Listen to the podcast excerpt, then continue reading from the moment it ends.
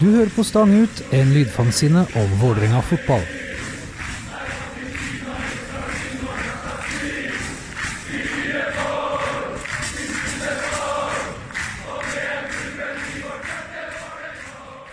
Hei og velkommen tilbake til Stang ut. Dette er vår episode nummer 20 noe. Jeg husker ikke farta.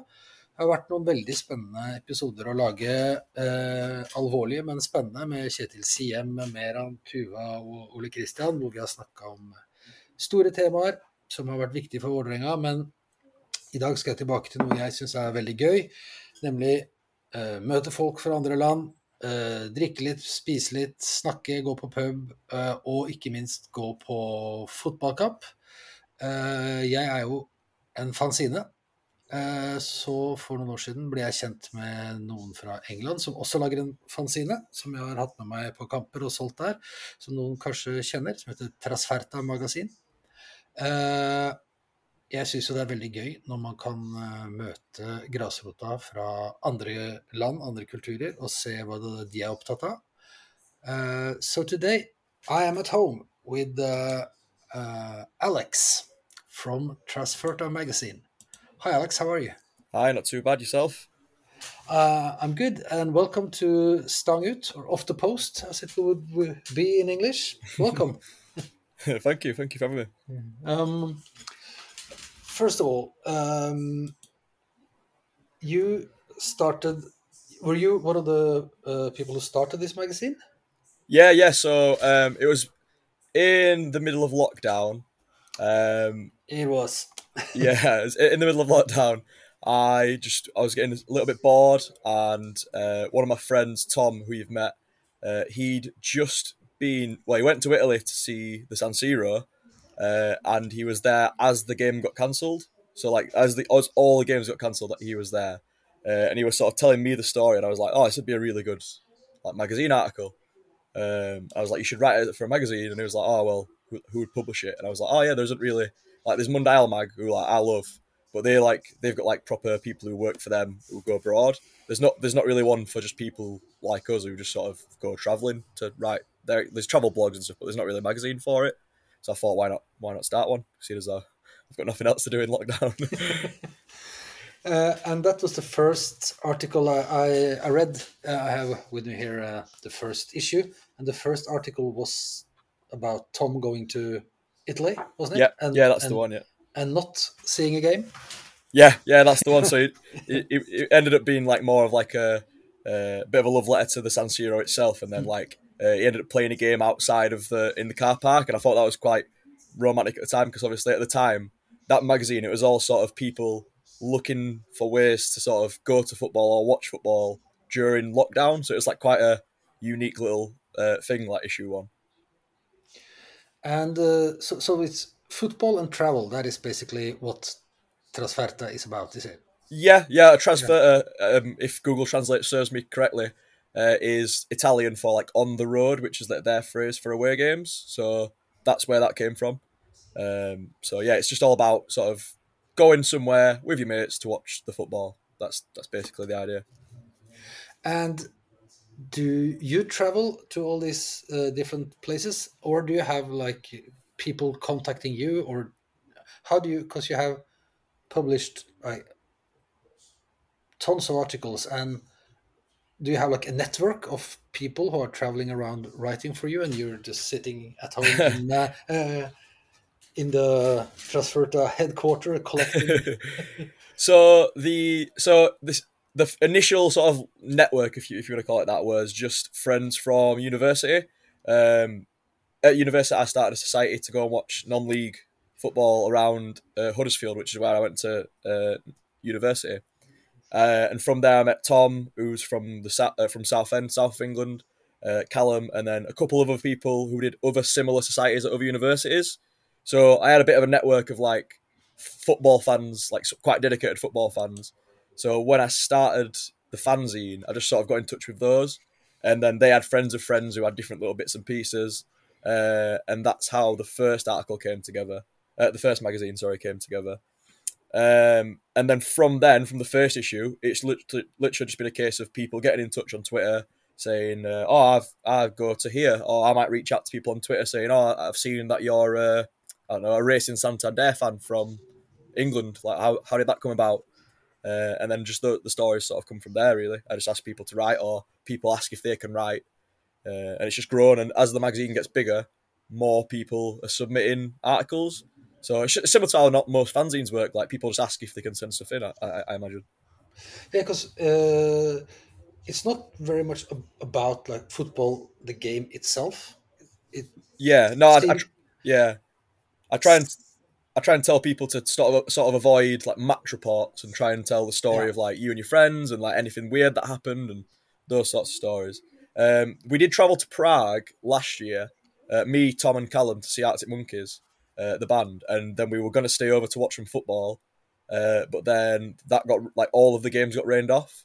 Uh, but luckily, we bumped into some guys who had been to some games prior to the, the, the like rain, so we got the we like we wrote the first bit of the article, and then they sort of wrote about the football. So that was quite cool. And then the first time I've I've actually personally travelled for the magazine was to uh, Oslo. yeah, because you we met in Oslo a few weeks ago. Yeah, yeah, very fun, very fun weekend. Yeah, I had a good time, and uh, I hope you enjoyed it as well. Yeah, absolutely loved it. Yeah, yeah, it's amazing.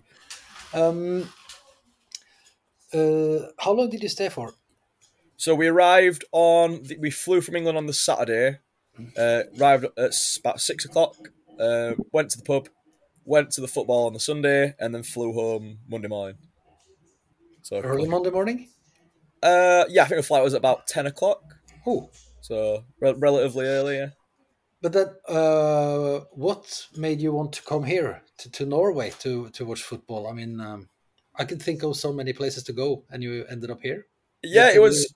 Um, so obviously, we, like me and you had been in touch, and we were like, we were planning a little trip somewhere. Uh, and I, obviously, like since following you, like I'd sort of been following uh, Vålerenga quite a bit, and I was like, let's just let's just go there. Like, why not? We'll meet meet up with you guys. Uh, and like, I feel like the magazine because obviously we've got a lot of ground uppers. Like Germany's been covered quite well. Uh, Spain's been covered quite well. All of like the usual places people I'd expect has been covered quite well. So we thought Oslo's a bit of a um, bit of just something different. Like not not really something like a lot of people covered before. Uh, and it's just, like I said, a chance to meet you guys and uh, experience something a bit different.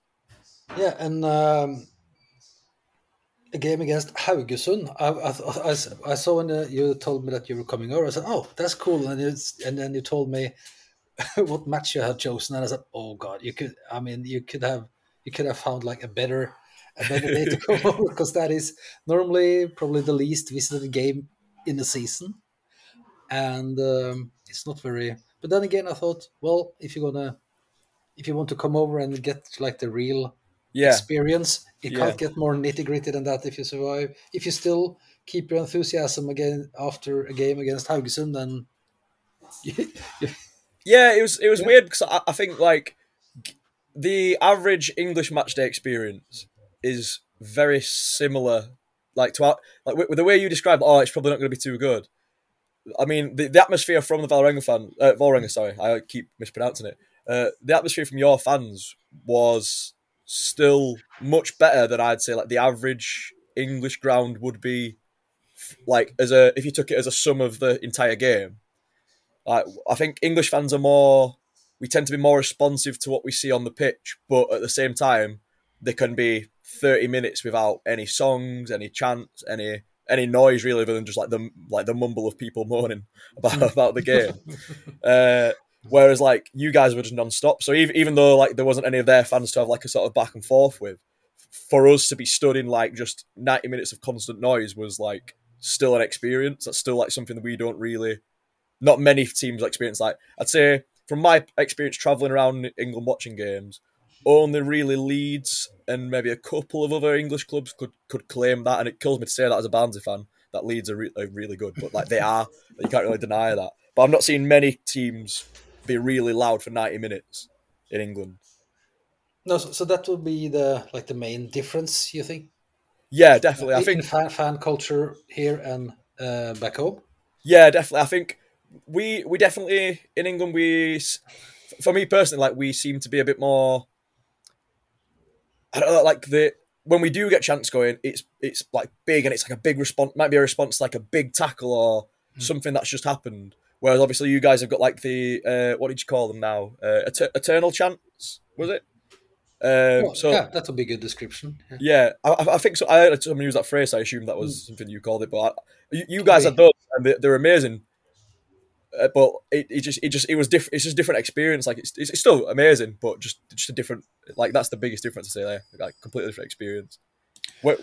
Oh, God, sorry. Um, no, no, uh, but uh, and when you came over, I was, I was sort of expecting like uh, old men in anoraks and beards. uh, what makes young, healthy guys like you want to start a magazine on print? Uh, yeah, I, I think I posted about it the other day. Like, um, me personally, I grew up uh, reading uh, West Stand Bogs, which is uh, the West Stand at my team Barnsley is like one of the oldest stands in the country, and the toilets, uh, which is the Bogs, that's the name for them, uh, were literally just a wall. Uh, so the fanzine was called West Stand Bogs, and that started in about 2013 when I was like a young. Well, I'd probably just been 17. Yeah, math serves me correctly. Yeah. Yeah, I think that's right. and I've been like 17ish, uh, 16, 17. Uh, and I used to like I used to always read uh, my my team's fanzine. Um, and then I read, started reading like Stand, which is a fanzine in England, uh, and Mundial, uh, and loads of others. And I don't know. I feel like blogs are good, and I like reading blogs. Um, I've like written one, written for a couple in the past and things like that. But there's just something about having something in your hands and and sending it to print that's just a lot more exciting. And I think, uh, especially in lockdown as well, it just seemed it seemed important to me. I can't remember why. I mean, who starts trying to sell something physically when you're not allowed to go outside?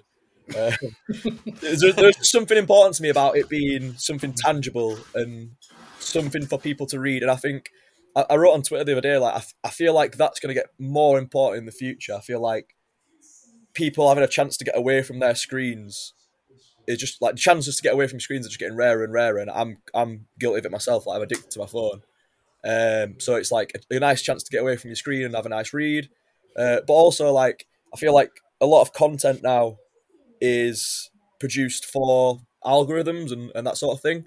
So it's just sort of a chance. It's it's there's nothing in there that's to be picked up by a search engine or an algorithm. It, it's purely for our just people's personal enjoyment, uh, and I like that element of it. And lastly, I feel like it's maybe just fits into the theme of being like against modern football a little bit. Just it's just something that's a bit traditional, um, and I feel like those three elements all sort of combine together, and that's that's why I'm crazy enough to do it. I suppose. Yeah, um, I think it it was interesting. I, th- I think uh, that was one of the um, one of the magazines you were talking about, the Mundial. They Yeah. also, also make a uh, is it a podcast or they were interviewed somewhere when they said that uh, this is one of the last places where people where fans actually have a say where, where their voice can be heard in an increasingly corporate and less available football. Yeah, def- definitely. Yeah, definitely. That, um, that was so the guy who runs Mundial now is one of the senior editors there. Uh, he used to run uh, an, a Mundial's really nice and glossy, and it's like really more like artsy. But uh, Stand used to be like more of like a fanzine. Uh, I don't think he, he runs it anymore, but like that's I went from West Stand Bogs, and they sort of mentioned Stand, so I started reading Stand, and then from Stand I found Mundial. Um, and we basically ripped off their idea, but get other people to write for us. We're not journalists. That's basically it. Um, but yeah, um, love love that guy. Like I, I probably wouldn't be wouldn't have ever gone to Oslo and done sort of those crazy things if it weren't for reading those guys' magazines. So yeah, the, the, those guys are really cool. But you, you were talking about the artwork uh, in the first, and I think in the second as well. You had a guy who is actually who is painting artwork for you. Yeah, no, yeah, that was uh, so. Yeah, I can't remember. Yeah, the first article, Yeah. uh, Andy Brown. Um, I can't remember how he got in touch, but this guy, when we, we I literally started the Twitter account uh, and followed a few people, and this guy was like, "Oh, I'm out at the minute painting loads of Sunday League uh, in lockdown, like oil paint in Sunday League games. Like, would you be interested in an article?" And I was like, "Absolutely, yeah, that sounds amazing." Um, and then for the second uh, issue, I think he did one of he designed as a sticker Uh, Yeah. he des- the the one with the ship. Uh, I think that's how we ended up getting in touch with you guys. So Mm-hmm. it's just like that's that's what I meant earlier. Like I haven't sort of got out of my way to meet all these people. It's just sort of grown organically uh, on online and just people being interested in, in that that sort of thing. Do you collect other physical stuff, formats? Do you collect, sort of, uh, say, vinyl, for instance? I- I've got a little bit of vinyl. Yeah, I haven't got too much of it. I mean, when I was when I was about sort of 14, 15, 16, uh, I used to buy a lot of CDs. Um, so I've got quite a CD collection, and that's that. Weirdly, that's coming back into fashion now, similar to our vinyl. So I've got quite a quite a decent CD collection because what what we used to do, we like my generation sort of like was caught in the like a hybrid between the like analog and digital age. So what we used to do was we used to buy CDs, me and my friends, uh, but we used to put them on the computer, and we used to have like a shared iTunes library. So we used to put the C- we used to put the CDs in, upload them, and then put those CD songs onto our iPods at the time. And most kids now, iPods are now out of fashion, which is really weird because everyone just has streaming on the phone. But when, when I was growing up, like we we all had, we all had the same songs on our iPods because we'd all sync them from my computer. And that's and then any CD that anyone bought, I just go, oh, lend us that CD, and I'll, and I'll put it on my computer and I'll give it back, and then Yeah. That's the how we iPod used was the, was the finest gadget that was ever made, in my opinion. I mean, I- it was perfect. Absolutely loved my iPod. Like the i- the iTunes library that I had, I'd, I'd built up over so many years. Like I say, borrowing CDs off people, uh, down like downloading covers that you couldn't get on CD. Like li- uh, in UK, we have like Live Lounge on, on BBC Radio, so bands will do like really obscure covers. Uh, and I had loads of those, and then I had it on a laptop that got stolen when I was at university, so I lost everything. And I was uh, that that's the thing I was most devastated about. Like not not the laptop itself, just the, the library that it had on it. Um, you were talking about, uh, you have mentioned already, Lower League and uh, being sort of um, against modern football. Uh, Mm-hmm. We were talking about when we went to Bohemen together, a bit about because you you guys you you initially support that was um, was Tom from Southend. Yeah. and what's his name? Who was Callum.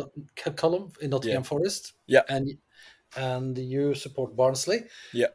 Uh, so the magazine is not a fanzine just so people who has, haven't read it uh, know that it's not a fanzine for like one specific team. It's about football in general. Yeah, yeah, And you were quite critical about the development of like professional football in England. hmm Um, do you still do you still you, do you still go to see your team Barnsley? Yeah, so I yeah, I still go see Barnsley. I'm a I'm still a season ticket holder. Um so Barnsley up until about I think it was 2016, 17, 18, so around that time. Uh, Barnsley were owned by like a millionaire, but who was like a local man, sort of done well. I think he made his millions in like software in the nineties, and then bought the club, saved us from that administration and, and going under. Uh, and then he was like really ill, and he sold up to like a big consortium. Uh, the consortium of like mixed results was still around pretty much the same level we've always been, but just not having a local owner is sort of not quite the same buzz for me. And just knowing that actually, really, we've got these sort of billionaires who could just put more money in whenever they wanted to, sort of is it just doesn't sit right with me. Um, ideally, I'd like fan ownership. I think that's what most fans would want, but it's not. It's not, it's not as realistic a proposition in England. Um, no, no, because clubs in England were never never organized like Yeah. member, membership clubs as Yeah. they, they are here. so Uh, what? s- yeah. What? Oh, go on, sorry.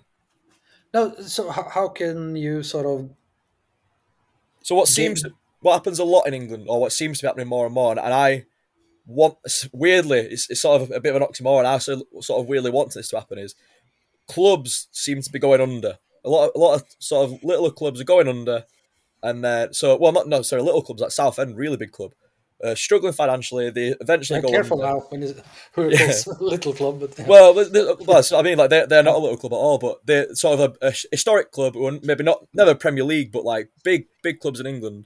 Um, they go under, and then the fans save them. So it happened with Wimbledon, happened happened with Wrexham. I think I want to say it happened at Portsmouth. They get back to sort of a level of success, and then again, a millionaire comes in and buys the club, and that's so, so frustrating because the fans have saved the club once, hmm. and then like they've got they've got it they've got fan ownership. Might not be as a higher level, but they've got it. They're operating at a professional level, and the fans own the club, and everything's. And then like the money comes back in again, and I, I, I just I'm, I'm losing all hope for professional football. And I still go and watch Barnsley, and I still watch their Premier League game, but it's more. I know I, I'm I'm losing the love for Barnsley each year on year, and like mo- moving more towards non-league, um, just because at non-league, like the club I go, the club I go and watch Emley, like they're in the eighth tier of English football, so really low down. Um, that is member owned, that is membership clubs, um, and I just feel like that's where the soul of our game lies. Like uh, I noted, I noticed when we went to um, Oslo and like the, the Vålerenga Stadium, there wasn't one steward, there wasn't one person telling you to stand here, sit down, you can't drink there, you can't do that there. Whereas in England, if you go to a, like an English game, it's like you've got to sit down. You can't drink in the stand. You can't do this. You can't do that. You can't walk around the city before without getting marched around by the police. Like it's for, for big games anyway. Like it's just all constantly being told what you can't do. And then when I found non-league and found like, oh, I can actually have a drink with my friends and watch the game. And if my one of my friends smokes, he can go and have a cig round the corner and not get shouted at. And we can, I don't know, have a laugh with away fans. Like they can stand near us, or it just it's sort of a different. It's like a sanitized environment in England now, whereas non-league still has that sort of soul, like out in like the eighties and nineties before like the Premier League and before like it became really sanitized. So I feel like for me personally, that's where the future of proper football, traditional football, lives. And like the Premier League and even the Championship now is just becoming sort of a, a TV show for Sky, sort of thing. Yeah, and um, and foreigners. how how how did you how did how did how did you how was your experience seeing like English football on telly in a pub in Norway? Yeah, it was. Uh, I don't know. I, I I find myself really conflicted about how I view not necessarily just in Norway, but the, the people who support English clubs in other countries. Because part of me thinks, I mean, I'd consider myself now like I, I'm always looking at like you guys scores. I'm always looking for this like how you guys get on on a weekend, and I could easily see myself watching a few games on TV or like finding a stream for like for Vålerenga. So why shouldn't I be able to do that. So why, why should I judge anyone for watching English teams and falling in love with English teams in their own way? But at the same time, I always feel like that's fine as long as it's not to the detriment of your own leagues and your own teams. Like, still go and watch your own teams. So if people are doing that, I've not really got a problem with it, as, so long as you've got your team in your country as well. I feel like more in like maybe like say like countries like Vietnam where there's like massive Premier League followings, but like their own leagues barely get any anyone going to watch. I feel like you've got to, and I said this to an American guy actually in Oslo. I got talking to him because he was saying, "Oh, but soccer isn't that big in America," and I was like, "But it won't be until you all start going. Like you've got to vote with your feet, sort of thing." Um, so me personally, I haven't got like any problem with people having foreign teams as long as they also have their own team. If that makes sense. Yeah, it makes makes sense. Yeah, I've been discussing this a lot uh, among a group of friends. That what sort of what's really the difference on what we are doing and what sort of the Norwegian Premier League uh, fans are doing? Is it got some? Has it got something to do with participation in the culture when you get there? That you actually get involved in a way? Yeah. Um, is that different from just buying like if you buy? I, I don't know. It's um, it's it's a tricky one. yeah, I mean, there's there's a there's a million reasons why someone could support a foreign team. It could be like, of course, uh, like I know I know an Australian guy who I met uh, through. I used to have a stream a few years ago, and I'm, he's an he's an Arsenal fan, and I think it was like his dad was from England, or his dad had a friend from England, and it and it started from there. And there's there's a million genuine reasons why people can, and like the guys who wrote for the magazine, the uh, AC Milan fans in Dublin, they're amazing guys. Like so, there's a million genuinely really good reasons why people can follow these like foreign teams. So I, I, always I'm always like reluctant to sort of question people on it, but also like don't neglect your own league in your country and your own fan scene because like the the beauty of it is every country's got their own like unique little fan culture. So don't neglect that as well. Is like my stance on it, I suppose. So when you go to see Emley, yeah, how is uh, can you describe like a typical typical home game? Uh, what, what's the stadium like?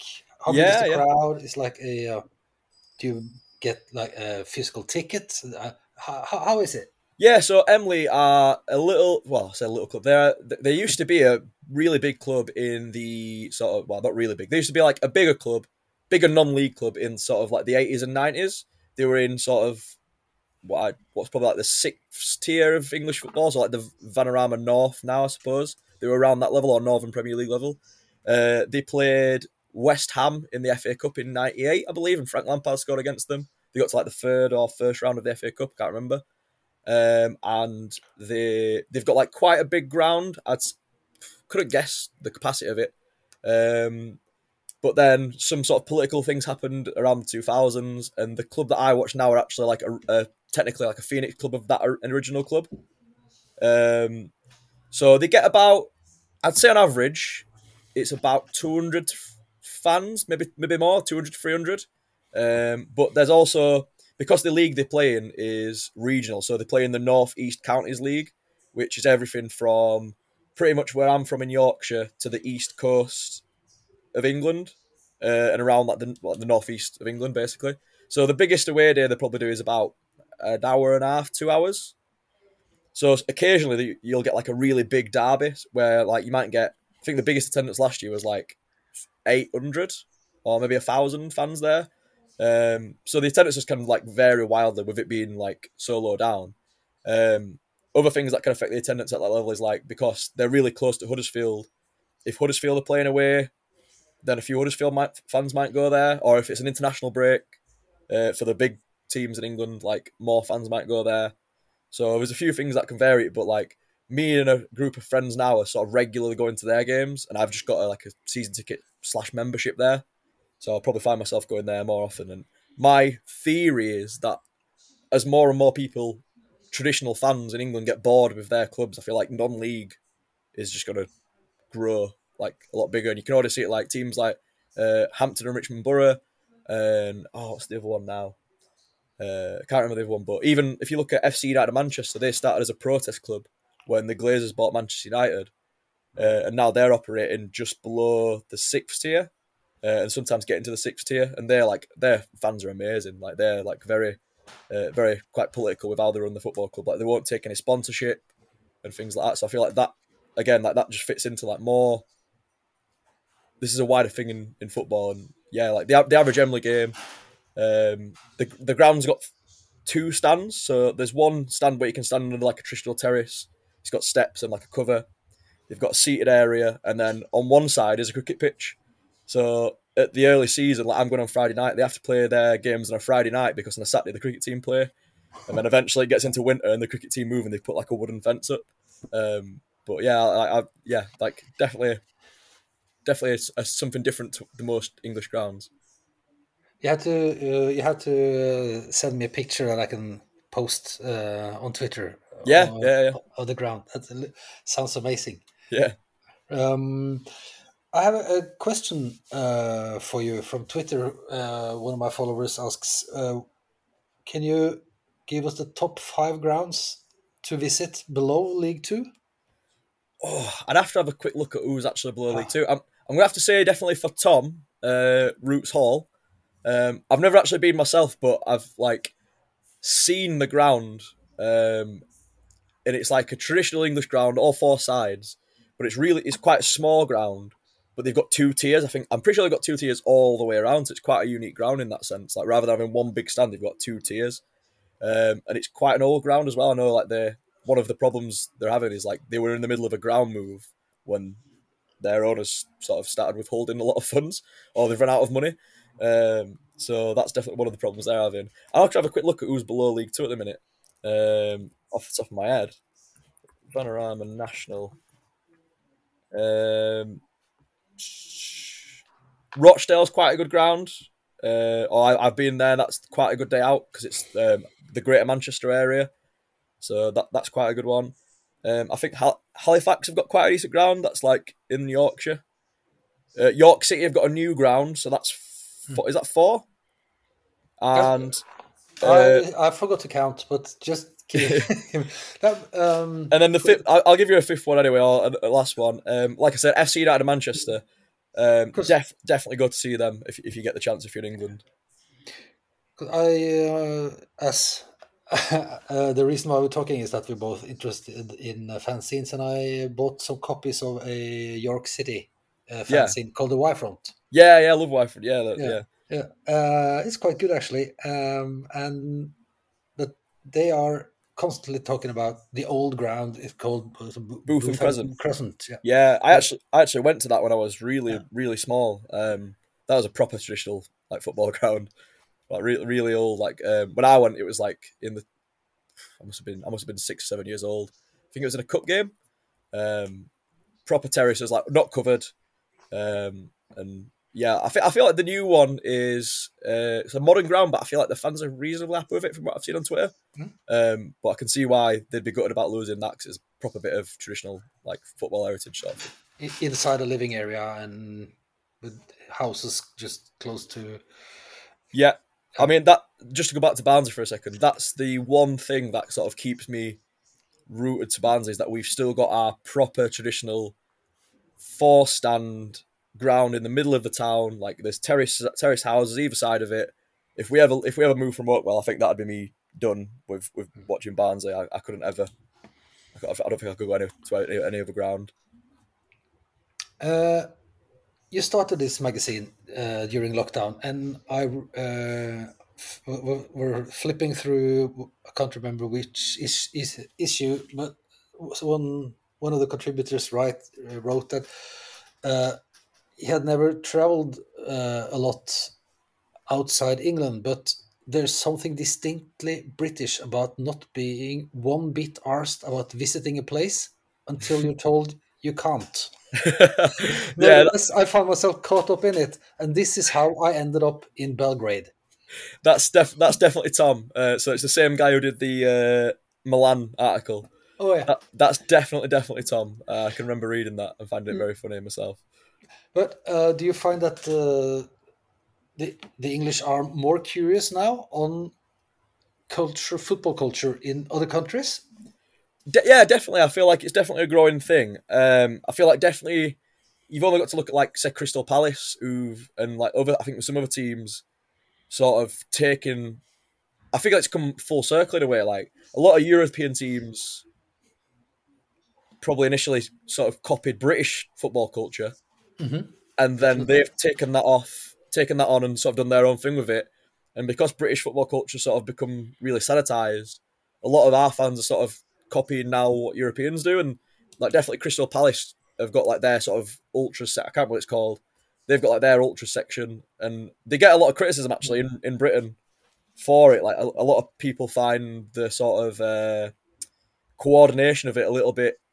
I don't know. Cri- like, I don't know. People find it a bit embarrassing, but I I think like fair play. They're trying to get an atmosphere in their ground, but the one like I think like the uh, the quote you've just said there alludes to like we don't really like being told what to do, and I don't. That I feel like that's why we don't have a lot of sort of organized singing sections and things like that because British people are just too like no why why why should I why should I and if I don't want to sing I'm not going to sing sort of thing.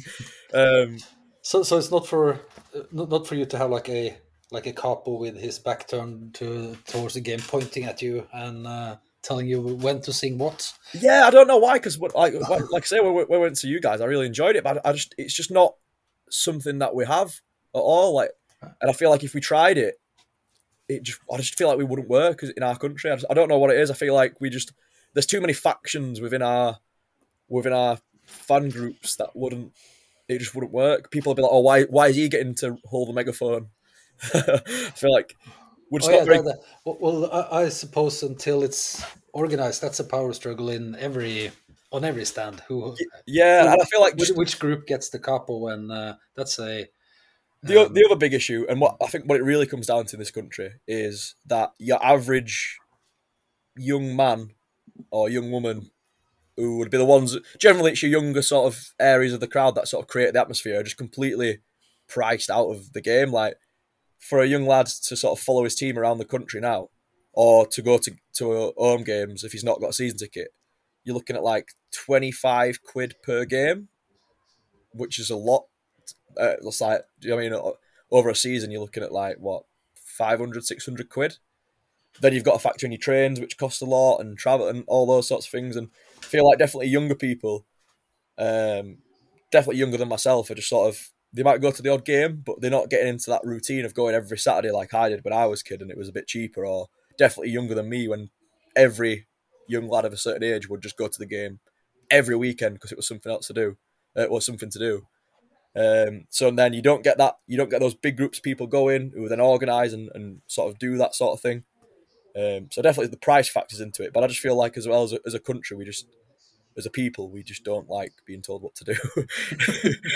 No, but I mean, then again, it's uh, down to cultural differences, which is fine. I mean, if, Yeah, if yeah. ev- everyone starts doing the same, it will be sort of. I, I think uh, after we got uh, YouTube, it's sort of uh, watered out uh, each country's uh, sort of um, cultural footprint in a way because you can see how the big teams are are doing, and you can copy the songs quite easily. And so I say, um, Yeah. One thing I do find really fun in this country is that we, that I don't know why, there, there tends to be a certain chant every year that sort of catches fashion, and then every team Yeah. sort of does their version of it, and every year it's something different.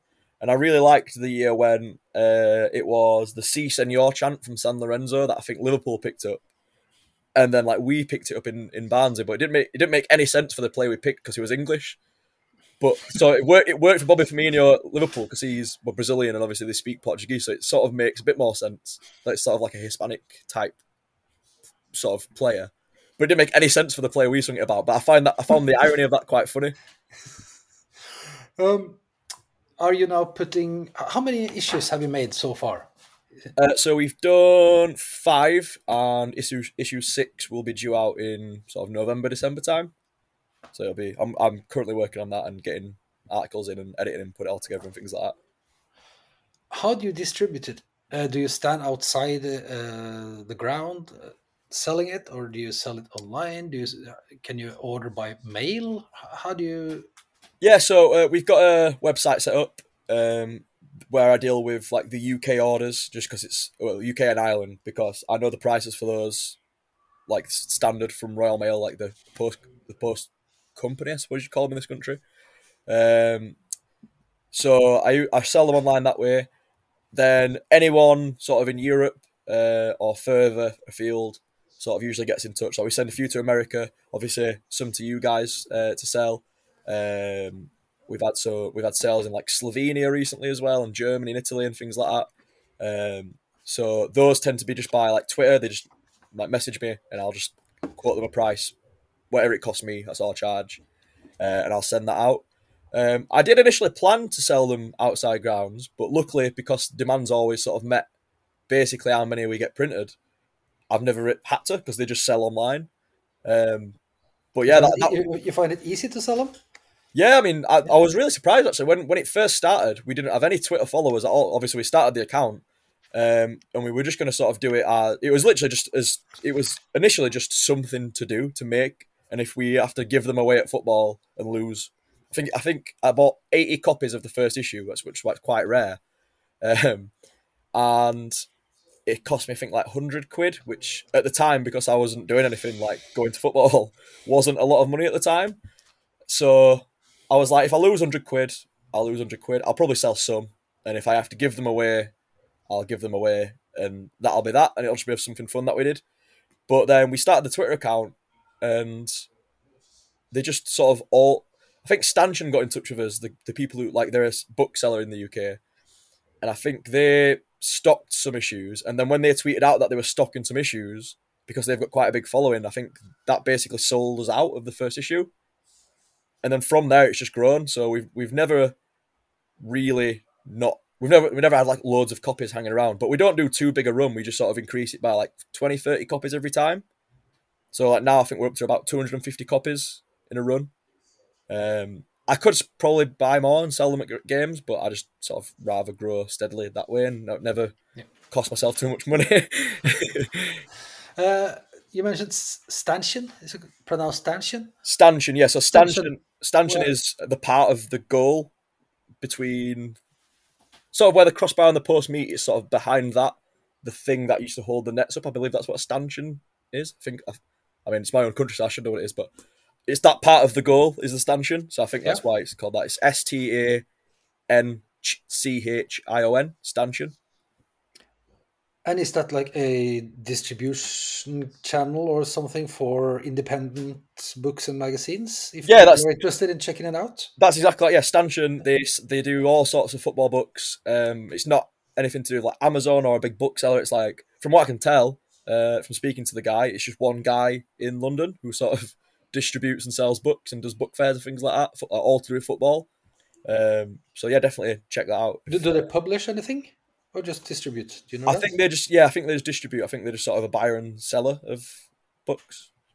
Is it a big market now for sort of independent publishing in uh, in England? If you have uh, like a bookseller like that who distribute and sell independent books, you have your magazine. Uh, you have uh, how, how many are there? Do you know? Have you have you got any?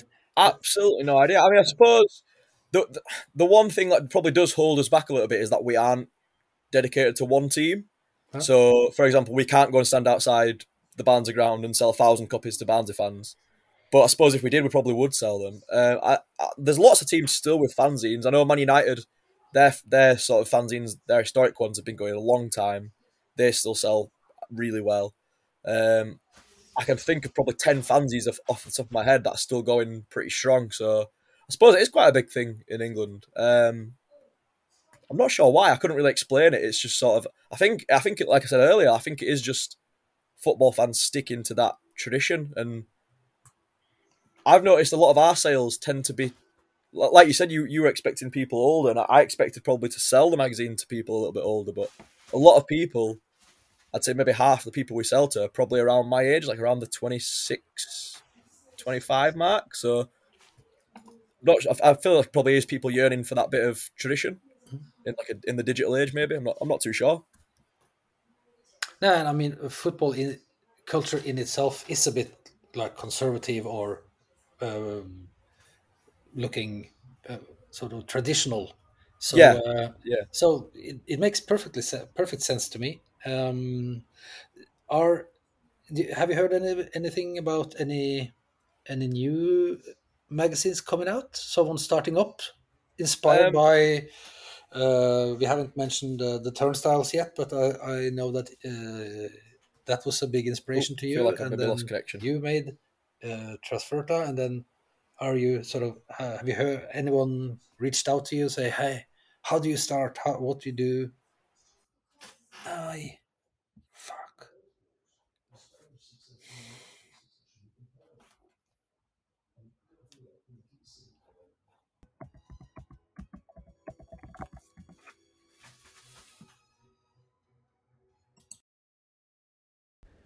Ja, der skjedde jo det at vi mista kontakt med Alex. Det måtte jo skje på et eller annet tidspunkt. Eh, Så jeg sitter nå og prøver å lappe sammen det vi har sagt. Prøver å eh, ringe han opp igjen, og så skal vi eh, se hvordan det går. Om vi får kontakt med Barnsley, skal vi se. Da tror jeg vi er tilbake. Alex?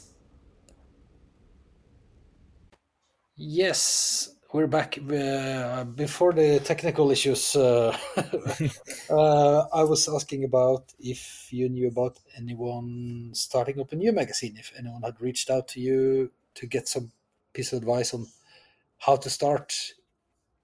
Have you heard anything? So there's the guy who does. Let me just make sure I don't mix these up and give you the wrong name. So the, there's a guy who does a blog that's very, very sort of similar to what we do, but definitely a lot, lot glossier and with uh, a lot of the time like really, really good photographers. Uh, and they are called. I can't remember it now for the life of me because my mind's just gone completely blank. Uh, they are called. Let me just double check this. Uh, Terrace Edition. So they are called Terrace Edition. And they, they've recently just done like a photo book of Luton Town's ground. Obviously, Luton Town have just made it to the Premier League. Uh, their ground, Kenilworth Road, is a real traditional football ground. To get to the entrance, you have to go through, like, literally through people's houses. That's how close they are to the centre of their sort of town.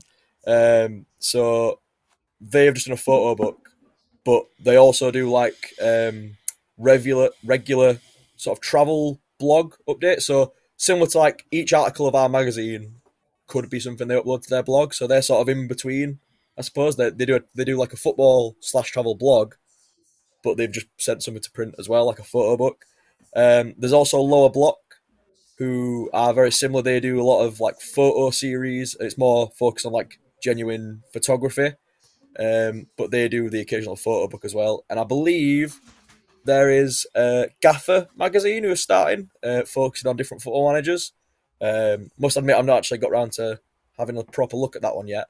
Um, and they've not really come to me for advice or anything, but they're they're a new one as well. uh, I've spotted around Twitter and things like that. So um, there's definitely a few sort of new bits and bobs, but I feel like we are the newest that I know of that's got a magazine out at the minute. So I'm not, not too sure. No, and then you're putting together um, issue number six that is due in uh, November. Yeah. Uh, can you give us a sort of uh, quick uh, run through what it will be about? Do you ha- have you got any any contri- contributors yet? Yeah, so we've got uh, a piece just in today about a guy from I want to say England, but he could be Scottish, but I'm pretty sure it's England, who uh, follows Racing Santander in Spain. We've got uh, an article on uh, FC United of Manchester. Uh, we've got some someone out in Germany, I believe, someone in Switzerland. Uh, our article is going to be in there about our trip to Oslo. Um, so that's going to be written by Tom. Um, I'm going to try and get a few interviews. I really, one thing I do want to build into the magazine, if I get the time and the resources, is I've got this idea for doing interviews with like iconic fans. So like um, maybe for example for you guys it could be like the guys on the megaphones or like uh not necessarily like a legendary ultra, but someone who's like a big part of the scene who everyone knows. Maybe it's the guy who organizes the coach. Maybe it's the guy who's like just ev- the guy who everyone knows. That sort of Yep. that sort of. I mean, it might be a lady like for Barnsley. I know it's it's the lady who runs the coach um, from one of the pubs. I'd love to have an interview with her. I think that, that'd be like quite interesting because she's been going to football for years, and I, I think it'd be quite interesting to ask her about how she's been perceived as a woman in that sort of male environment. Um, do something like that, but def- and then you've got like you've got Tango, uh, who's a guy who supports Sheffield Wednesday. He's like a legend over this country. He's always like this really big guy. He's always got his shirt off at games. He's got like Wednesday tattoos all over him. Um, there's the guy at Portsmouth who's got like he's always head to toe in Portsmouth sort of uh, memorabilia and merchandise and things. Um, so there's like a lot of like iconic fan fans from around the country who I'd love to sort of get interviews with. Uh, I sort of tried that a little bit with um, the the issue that we had where, with the guy who was in the England band.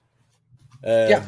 that's sort of what I was. That's sort of what I was going with there. Like I, rather than focusing on necessarily like the travel element of it, like getting the stories of the people who are really interesting people within football and like not players necessarily, but like fans who've done insane feats of dedication. I feel like that's the, the way I want to see my contributions to the mag going because I like to do the interviews. Um, but we've got, I want to get one of those in, uh, and then we've got a couple of other bits and bobs like just little little trips. Uh, we've got um, one of the regular contributors, Jack, is a Brighton fan. They're undertaking their first European uh, games this season. I think I think it's the first. I want to say it's the first. Uh, so there'll be his story in there about I believe it's going to be Marseille. Uh, Brighton will be playing Marseille, which will be amazing. Um, so yeah, there's lots to look forward to, and then there's lots that I haven't there's lots I haven't, I haven't even got in yet. So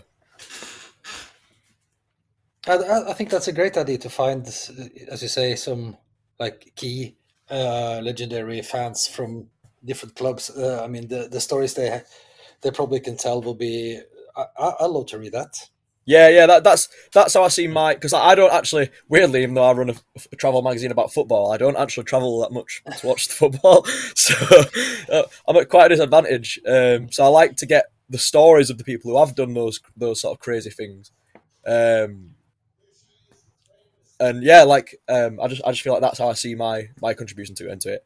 And there's there's a guy actually reached out to me who is a proper sort of student journalist who could maybe do something like that. And I'd really like the idea of like doing it as a proper profile, like getting a photographer down to like take like really good like shots of them and like make it like they are the star of this little bit of the magazine because they've they deserve it for like their insane dedication to this sport that we go mad over. So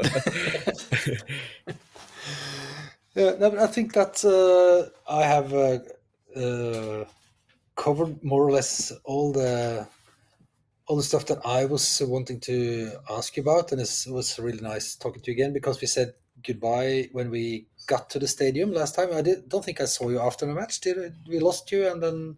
yeah, we uh, Did you take the Bohemian bus back down to the city center? no, we actually um, we You, you knew that you had a ticket. Yeah, yeah, we um we uh we're gonna jump on the scooters back and then go for like go for some drinks, but then and really annoyingly because I know the scooters there charge your phone, don't they? Just as I was about to get on the scooter, my phone died, so I couldn't pay for the scooter for it then to charge my phone. So we ended up just walking back.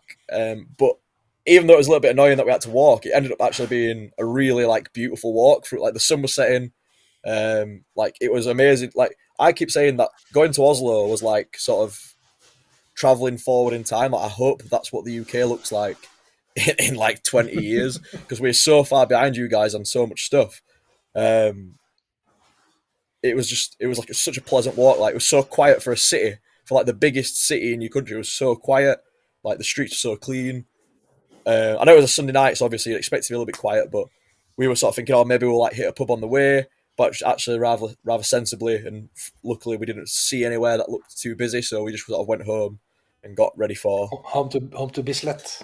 Yeah, yeah. So we walked it to uh, Bislett. I think it was about an hour walk, but it was a really nice walk. And obviously, because the weather was quite nice too, it was just quite a nice, pleasant walk to see the city on our last night. And uh, you met uh, you met uh, Andy when you were here too. Yeah. He uh, asked me to ask you. Do you remember which bar you guys ended up to on the first night? So we were in the at we were in the knife the knife. Yeah. or the Ni- Niven. yeah. we were in there. Uh, we, I I think I said on Twitter like we were the only three people wearing not wearing black leather jackets. we were, I had like this bright blue like Fila jacket on, um, and my friends had like I think they're like Fred Perry or something on, like bright like bright colours, and we stood out like a sore thumb. But we sort of quite like the music. Well, I quite like the music, even though I don't necessarily dress like I like that music. Um, Because that's a, like a metal place, isn't it? yeah, yeah. Um, so that was we were in there for a little bit, and then around the corner from there, we walked down the same street. The rev- was the revolver. I feel like was on the other side. We walked down the same street, turned left, and then there were some clubs, and I didn't get the name of the club, but we were in there till uh, quite early in the morning, which wasn't too sensible, and was why we why we were late to meet Andy on the Sunday. Is that related to the next question? Why does Tom shower for so long? Yeah, so like I said, uh, we were quite late to meet Andy, um, and we ended up just like inviting him up to our apartment, which is an insanely nice apartment, uh, by the way, like really, really nice for like for three lads just traveling for the football. We we got somewhere way too nice and too expensive to be fair as well, um, and yeah, I don't know why Tom showers so long. It's becoming a bit of a recurring theme whenever we go away. He spends a long time in the shower. I don't know what he's doing in there. So. I don't want to know what's he, what he's doing. In Yeah, there, I, we ask him and he just sort of he just says, "Oh, I don't know, I've been in the shower, so I don't know." And did you enjoy the? Uh, we went uh, to Syverkiosken together to get a hot dog. yeah, yeah, Yeah. The only regret is that I didn't get another one. Um, but we'd had quite a lot to drink at that point, and we'd uh, we'd the first place Andy took us was for pizza. Um, I can't remember the name of that place here, but it had like a little mural to Maradona on the walls, quite near Bislett. Um, Yeah. Can't remember what it's called. Sto- Store Store, probably. The Yeah, did it- um, They did like really nice pizzas. Um, Okay. I, I don't know. So we, we don't got the we got we grabbed a pizza from there. It was it was like one of the best pizzas I've ever had. So Mm. um, well, I was full from that. So that's why I didn't get another hot dog. And uh, the last question I got was, uh, I think you maybe you covered that already, but then I'll ask again. Uh, best thing about the stadium? What did you enjoy most about our stadium? Uh, yeah, so I definitely mentioned earlier, like just yeah, the, the, the the fa- the sort of just you're left to your own devices. Like you're not in England. If you'd have had, if you even stand up at some grounds, you're getting told to sit down by stewards who don't really want to be there and can't really tell a group of hundred men what to do. And it's just not really needed either. I feel like football fans are, in general, around the world, are quite good at self policing. And I feel like because of what happened in England in the eighties with like fan culture and it becoming like extremely violent, that we sort of now, even forty years later, are sort of tre- we're tr- treated, I should say, in in proper English, we're treated like children. So you can't drink in the stands, you can't stand in the stands, even though they're called stands. You are sort of you can't smoke in areas that well, you can't smoke in the ground. You can't take your beer outside to some smoking areas if there is one. You can't take your beer up. To, it's just sort of a constant list of being told what you can and can't do by either stewards or police or someone. Whereas it wasn't until we left the ground that I turned around to like the lads and said, "I didn't see one steward today." And you were like hmm. bouncing and singing. There's a guy with a megaphone. There's flags. Like in England, a flag like that would cause so many arguments. they would be like, "Oh, I can't see the game. I paid to watch the game," and like it was just I was just like I didn't see one. Everyone was just there, and like when when it, when we go to away games, it's sort of a known thing in England that the the lads who are going to sing and chant and be a bit sort of rowdy will go to the back, and anyone else who is not interested in that can sort of go to the front of wherever the away end is, and that's just sort of self policing. And I feel like you guys and definitely in other like ultras cultures and, and other stands, that idea of self policing and certain things being acceptable and everyone knows what behaviour is acceptable is just known. So there's not a need for a steward. There's not a need for like this sort of health and safety guy gone crazy. Um, and that was definitely the the thing that I didn't realize I was enjoying it because I didn't realize they weren't there until I thought about it after. But that was really good. Um, I also really liked. I know you guys have got a new stadium because you were traditionally in the national stadium. Um, but I liked how even though you've got a new stadium, it's quite traditional. It's it's um, like four terraces and it's a proper. It's not like a bowl, which is a big thing in this country. Like we're quite against. Well, more traditional fans are quite against like the bowl shaped grounds. Um, so I like. I really liked that as well. Okay. Um, uh, I'm uh, sort of I've come to the to the end of the line of questions, and I uh, must say I have been enjoying talking to you, and it's so cool that uh, uh, there's someone else out there making actual magazines on print about football. It's uh, a fantastic inspiration, I think. To and it was uh, when I when I found the found your magazine in the mailbox, I found wow, this is this is this is good stuff. So I uh, will keep on uh, taking some copies to sell uh, when the new. I think I have three left of number five that I'll bring to the next game if Yeah. anyone's out there is interested, and then I'll take uh, ten copies as normal of the of the next one in November. Looking so much forward to it. Yeah, and, and from our from our end as well, from my end, definitely. Like the like when you first got in touch and was like, "Yeah, I'll definitely take some copies." Like the idea of our magazine being sold at a ground, not even in this country, was like, if we'd sold no magazines like like that issue, I'd have been just happy with that. Um, and like when we that same, I think it was issue three or four, maybe I can't remember. Um, that same issue when we sent some to you guys, we got a couple of like other European orders and and a couple of American orders, and it was like we bet we only make, probably make hundred copies, and the idea of the magazine is travel, and the magazine is traveling to these places, and I, I really like that. Like it's only just a small little niche thing. Like no no one in this country will probably even ever heard of our magazine, but like I don't know people in the ultra section of Vålerenga will know it, and I, I find that like really cool. Um, so like, thank you for like your part as well in, in sort of promoting the magazine and, and doing what you do. Well, um, I think it's time to say uh, thanks for the chat. Uh, it's been really nice talking to you again, and uh, see what it. I mean, as you say, the magazine travels. You get to do stuff that you like to do, and now we we actually met in Yeah, real, in yeah, yeah. It's uh, it's culture, football Yeah. culture. That's it's- that's it- that's exactly what it's all about. it's a good thing. Yeah. okay, uh, Alex, it's been a pleasure talking to you. Uh, looking forward to the to receiving the next issue. And how do you end this? Do you have a like a, a last thing you want to say to the listeners in Norway? I don't know. Uh, maybe ciao, seeing as though it's the magazine's Italian. So Ciao. ciao. Ok. Ciao, Alex. Ciao. Du har hørt på nok en episode av Stang ut. Jeg er Jon Hernes. Håper engelsken eh, holdt helt inn. Eh, meg får du tak i på både Twitter og Facebook, og så høres vi neste gang.